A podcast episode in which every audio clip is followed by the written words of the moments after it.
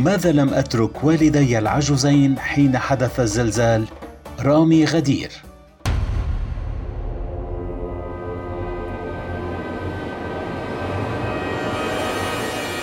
في شمال مدينة اللاذقيه تقع قرية العليمية حيث أعيش مع أمي وأبي العجوزين.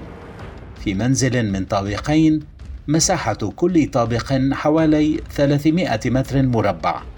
منذ عامين ونتيجة لعدم جودة البناء وقلة خبرة من بناه ومهارته إضافة إلى العوامل الطبيعية والعمر الزمني للمنزل حوالي خمسين عاما تصدعت سبعة أعمدة في الطابق الأرضي وكنت أنوي ترميمها خلال الصيف القادم. الاثنين السادس من شباط فبراير الثالثة بعد منتصف الليل بالتوقيت المحلي. جاء التيار الكهربائي وعلى الفور أشعلت المدفأة الكهربائية في غرفتي.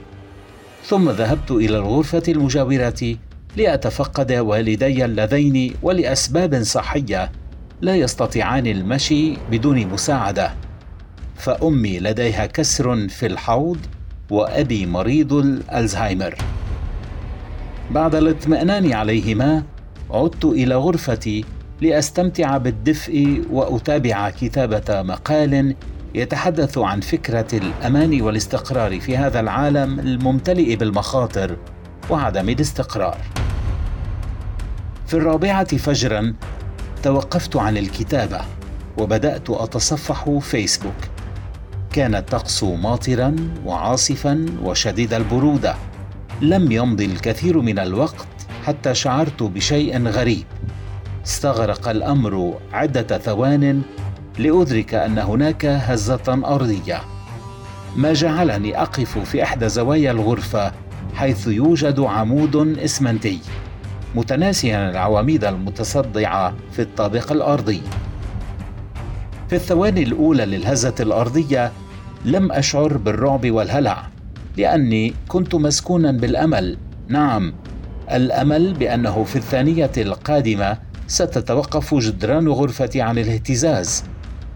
كان الزمن الذي تستغرقه الثانية كي تنتهي طويلا. وكان الأمل يضعف مع كل ثانية تمضي. بعد العديد من الثواني الطويلة مات الأمل في داخلي. لحظتها فكرت بفتح باب غرفتي والقفز من الشرفة. راودتني الفكرة عدة مرات. ولكنني لم أنفذها لأسباب أجهلها.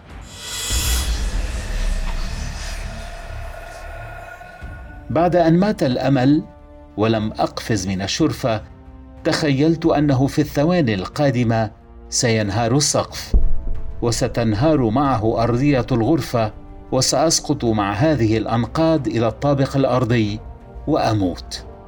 حين أنهيت تخيلي للمشهد تقبلت موتي. لحظة. هل انتبهتم مثلي لكلمة تقبلت؟ يبدو أنني بعد أن نجوت من الموت أريد أن أثبت لنفسي أنني شخص شجاع ومتصالح مع الموت ولا أخاف منه.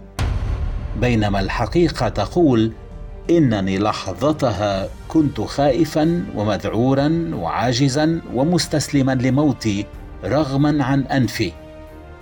إنه الموت أيها الأحبة إنه الخصم المرعب القبيح الذي لا يهزم.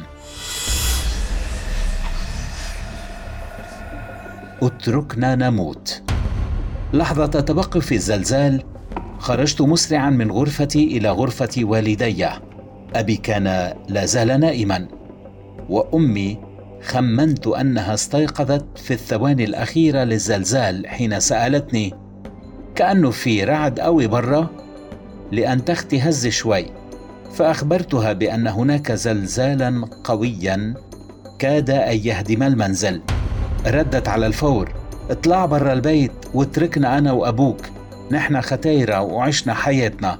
قلت لها سأبقى معكما. وبدأت أطمئنها بكلام مثل أن الزلزال يحدث مرة واحدة وأن منزلنا متين.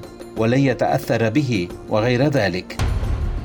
حين بدأت أفكر ما الذي سأفعله في حال حدث زلزال آخر خلال الدقائق القادمة زاد خوفي خاصة أن منزلنا قديم وفيه أعمدة متصدعة. قلت لنفسي من الحكمة أن أخرج أنا ووالدي من المنزل لكنني تراجعت عن الأمر لأن الطقس في الخارج كان باردا وماطرا. والرياح قوية لدرجة أنهما قد يموتان من البرد إضافة إلى أن إنزالهما من الطابق الثاني إلى العراء يحتاج كحد أدنى خمس دقائق في حال وجود شخصين آخرين لمساعدتي أما إنزالهما بمفردي فيحتاج لأكثر من خمس عشرة دقيقة. بينما كنت أفكر بما سأفعله جاء صوت أمي مرة أخرى مكسورا خائفا. يا بني اتركنا. واطلع برا البيت. فقلت لها لا تخافي راح الخطر ورح نبقى كلنا بالبيت. لماذا لم أترك والدي وأغادر المنزل لحظة توقف الزلزال؟ لست بطلا ولا شجاعا ولا شخصا استثنائيا. وأحب الحياة وأكره أن أموت. رغم ذلك بقيت مع والدي. برايي ما فعلته غالبية البشر فعلوه في الماضي والحاضر وسيفعلونه في المستقبل مع آبائهم وأولادهم وأخوتهم وربما مع الغرباء سواء كان هناك زلزال أو فيضان أو حرب وما شابه. لماذا لم أترك والدي وأغادر المنزل لحظة توقف الزلزال. لأني أريد أن أنجو. فخروجي من المنزل وتركهما لن يحققا لي النجاة التي أريدها لأنه قد يحدث زلزال بعد خروجي بدقائق وتسقط الجدران عليهما ويموتان. وفي حال حدث ذلك هل سأكون حقا؟ قد نجوت بعد أن تخليت عنهما. هناك من يقول إن الخلاص والنجاة حالة فردية إلا أنني أرى أن هناك امورا ومواقف من المستحيل أن تكون النجاة منها بشكل فردي. لماذا لم أتركهما؟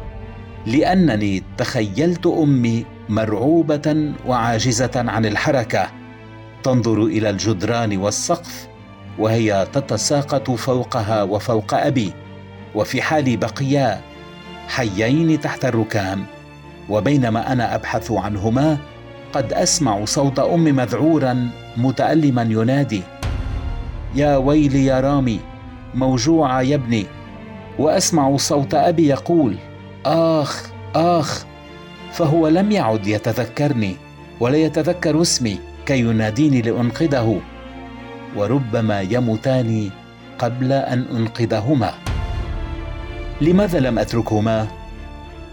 بسبب الأمل نعم الأمل.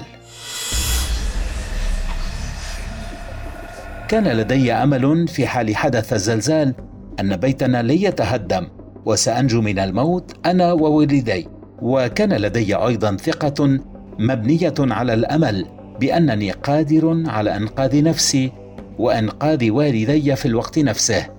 مع أن المنطق يقول في حال حدث زلزال وبدأ المنزل يتهدم من الصعب إن لم يكن من المستحيل أن أنجو بنفسي. فما بالكم بإنقاذ عجوزين شبه عاجزين عن الحركة؟ لماذا لم أتركهما؟ لأن النجاة بالنسبة إلي في مثل تلك اللحظات إن لم تكن جماعية فلا يمكن تسميتها نجاة بل شكل آخر للموت والجحيم. بعد حدوث الزلزال بأيام عدة قرأت على فيسبوك جملة نسبت لشاب سوري فقد أهله تقول كلهم بخير إلا أنا. هل كنت سأبقى مع والدي لو عاد الزلزال؟ بالرغم من أنني لم أترك والدي إلا أنني ضد إلقاء اللوم على أي شخص ترك غيره ونجا بنفسه حين حدث الزلزال. لأنه أحيانا في لحظات الخطر والذعر والهلع غريزة البقاء تدفعنا للنجاة بأنفسنا. في الحقيقة ورغم كل ما قلته حول عدم تركي لأمي وأبي إلا أنني لا أستطيع أن أجزم مئة في المئة بأنني سأبقى معهما في حال حدث زلزال آخر. ورأيت جدران البيت وسقفه تتساقط وأنا عاجز عن مساعدتهما. لحظتها قد تدفعني غريزة البقاء للفرار والخروج من المنزل أو الاحتماء بشيء ما وترك والدي يواجهان مصيرهما لوحدهما. وفي حال حدث ذلك وبقيت على قيد الحياة وفرق أبي أو أمي أو كلاهما الحياة سأعيش حياتي كلها ألوم نفسي. الآن لدي شعور بأنني شخص محظوظ لأن الزلزال اللئيم لم يرجع مرة أخرى ويدمر منزلي ويجبرني إما على الهروب والنجاة بنفسي أو البقاء والموت مع أبي وأمي أو مشاهدتهما يموتان أمامي وأنا عاجز عن فعل أي شيء. شكرا أيها الزلزال لأنك لم تخضعني لهذه التجربة التي سأكون فيها خاسرا ونادما ومتالما لا محالة. منزلي لم يعد امنا وخاصة بعد أن زادت الصدوع وتشققات في أعمدته وجدرانه بسبب الزلزال. ويبدو حتى الآن أنه لا مفر من هدم جزء منه وربما هدمه كليا. كلما فكرت بالأمر أشعر بالحزن والألم. لأنه ليس من السهل على الإنسان أن يهدم منزله الذي عاش فيه كل حياته.